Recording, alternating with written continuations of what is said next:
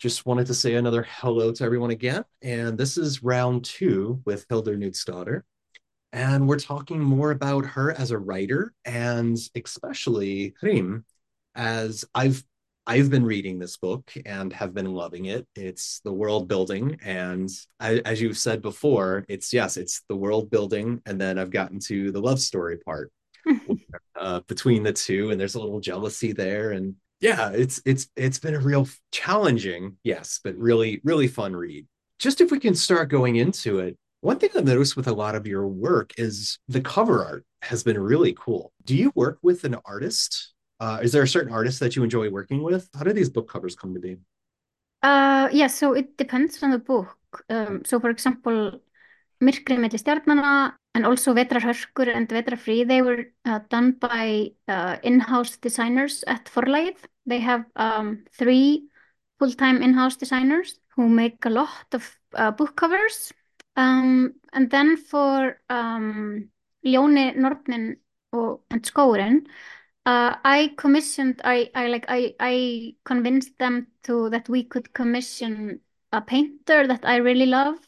Uh, his name is Þrándur Þórarinsson, and his paintings are all, so he's, I think he's kind of obs obsessed with like old Reykjavik, but uh, his paintings also usually have some kind of fantastical elements. Um, Hmm. like I have, uh, b before he uh, did the covers for me, I bought a painting by him, and it's like uh, two women kind of dressed like flappers, and Mhm. they are dueling with um, pistols in front of Bæjarins Bestu, which is like a very famous hot dog hot dog stand in Reykjavik. So he has, and it was just like the perfect vibe for Ljónið. Old Reykjavik meets new Reykjavik and kind of like a fantastical twist. So he agreed to do all the covers for that trilogy. And um, and I have the paintings actually, so I bought the paintings also. Um, and then for Hrím, I had a very specific cover in mind because Hrím is kind of inspired by Jean M. Auel's uh, The Earth's Children series. Do you know that? Have you, yeah. No. No. So it's um they came out so I I read them when I was like 11, 12 and 13 and they are about um like Cro-Magnon people, which is like a type of people that is extinct now. Um, and they, and also like at the time when people like Cro-Magnon people were living with Neanderthals, and they were like um, uh, like mammoth. They were like hunting mammoths. So it's like uh, like that was also kind of the vibe that I was going for. And they have like a very distinct cover. So if you Google them, it's like a a woman. Uh, she has uh, she had like a mountain lion with her. So I wanted that kind of cover, but also maybe updated because they are like very 80s, I would say, those covers. So I really wanted to get an illustrator, and I found Heiða Rafnsdóttir, or uh, uh, no, sorry, my editor. She found her. She is an illustrator, and she has been drawing.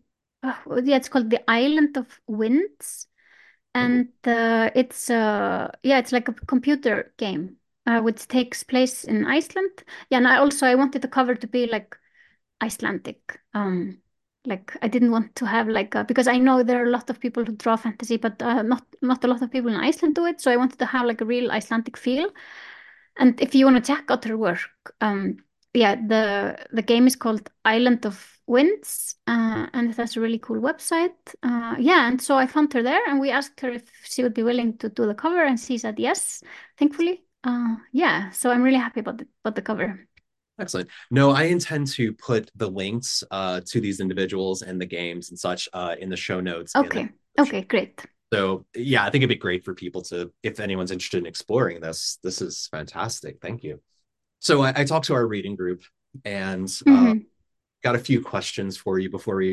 Okay. Uh, before I selfishly move into theme, what and, and you might have mentioned this in part one, but just just to recap, um, in general, like who are your favorite writers? Who are your influences? And Hmm. who do you just, I guess, if you have the time, who do you sit down with and read just for fun? Uh, so I read a lot in in English, and like last year I went on a real like a horror book uh spree. hmm Um, and I read and loved the books by Christopher Buehlman. And also, what, I've been doing for the last year is um because my book is coming out in English, and I've been hmm reading my way through the authors that blurbed my book, that blurbed that. Uh, and I think it's I think it's pr probably a pretty good fit because uh, obviously my editor she uh, sent it to authors that she I'm not no, so I'm not saying that we write similar books, but she sent it to authors that maybe are in some ways doing something which I am doing. So a lot of horror writers. Um, and maybe have some uh, like we share a vibe, or something. So I've been reading my way through that. Um, and then I came across uh, Christopher Buehlman, for example. Um, and I I also discovered uh, Rachel Har Harrison um, this fall, and she's great. I've I read uh, all her books in just like two weeks because I love them so much. But um, and I also really love T. Kingfisher. Uh, she publishes with uh, Tor Nightfire as well. And but I think probably my favorite authors are uh, so I really love Naomi Novik. Uh, she particularly her Temeraire seri series, which is like fantasy books about the Napoleonic Wars, but with dragons in them, and they're really good. Um, and also her her book Uprooted is one of my favorites. Um, and then I also and then like older favorites of mine um are is are Isabel Allende and uh, Jane Austen. I really love Jane Austen and Marion Keyes. Uh, she I really love her. She's really funny. Yeah, so these are a few of um of the authors that I've been reading lately. Excellent. And s- small sidebar. Uh, for folks who are interested in the culture or of Icelandic culture, something happens uh, toward in December called the book flood. hmm Um, and we're probably going to release this, I'd say, just right around Christmas. Um, Okay. today being December 15th. Um, could you explain that a little bit? Like what is that? Does it really happen as it's written about? Is is that a real thing that happens in Iceland? Just a flood of books? Yeah. Yeah, it does. So um the majority of Icelandic books that are published are published uh in the fall. Mhm. Um and it used to be like just in November and December, but uh, the publishers are trying to stretch it out a bit. So the Christmas book flood now starts in like the middle of um or like beginning of October, I would say. So almost all of the books in Iceland come out uh, in these three months, so October, November, and December. Uh, and the it dates back to the Second World War actually, because um, at that time uh, there was this one Christmas, and there was a shortage of almost everything in Iceland except paper. So they just printed a lot of books, and everybody gave each other books for Christmas, and that started uh, this tradition. Um, so uh, it's really like a season of books. So all the books come out at this time, and like you you do if you're an author, you do a lot of events. You go like all around, and you read from your books, and workplaces invite readers, no, uh, writers to come to read from their books, and schools also invite writers to come. Um, and you do like all kinds of kind of interviews and um, but it's it's really it's also kind of like a stressful time because um the competition is really fierce uh because like your book is coming out at exactly the same time As as all the other books um and there's only so much space on the TV programs and um and like uh in the papers that uh, do reviews. So um, there are some books that just um, are, are lost in the flood. So it's kind of like sink or swim, and some books rise to the top, and others just kind of disappear. Um, so that's stressful. And also, and just speaking for myself, so because I Hrím came out in October, so it's like a Christmas uh, flood book, and I've been doing a lot of events. And um, I just did probably my last reading this morning for a group of teenagers, and I'm just I'm so I'm really tired because all my, my like social energy is just spent. Um, and Okay. it's kind of hard to like switch gears because you just like stay in your cave for um for so many months writing, and then you're supposed to like go out and um do promo. But um another nice thing is um I mean, and, and of course it's great because uh, everybody's talking about books and like, have you read this one and have you read that one? And um, so like the whole nation is talking about books uh, for these week weeks.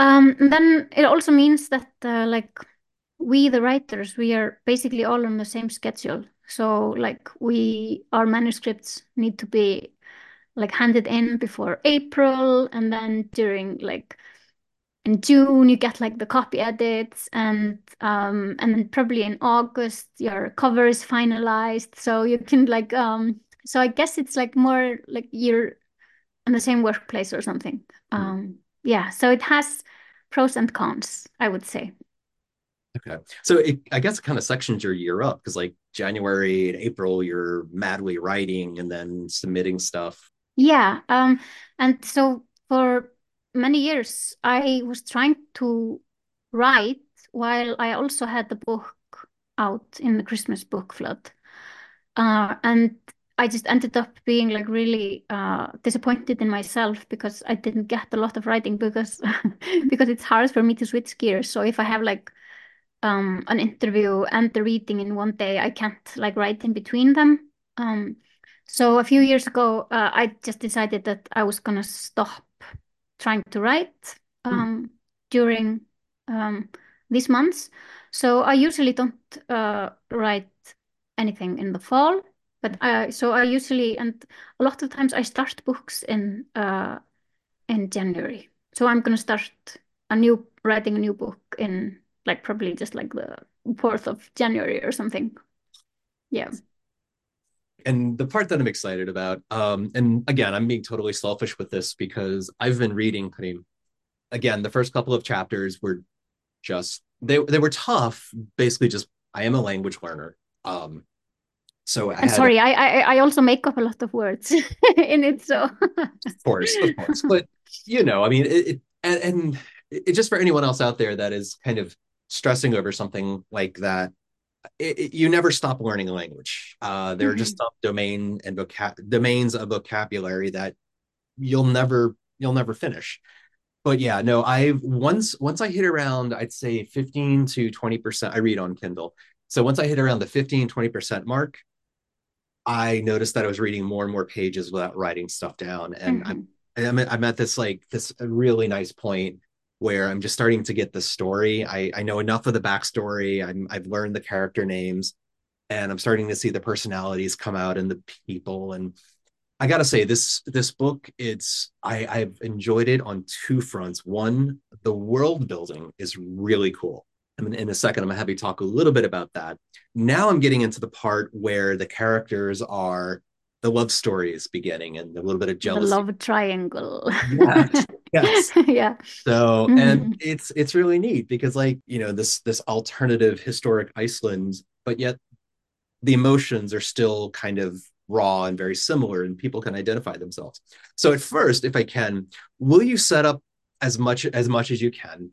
Will you set up this the world building of Hrím? Mhm.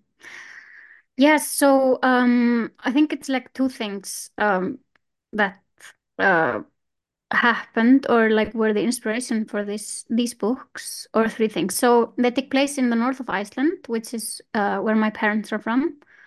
Uh and it's an area that I've been visiting my whole life. Um and I've spent a lot of time there and it's really beautiful and I know it uh intimately. Um, and I wanted to write about that and try to portray some of my love for the area in the story.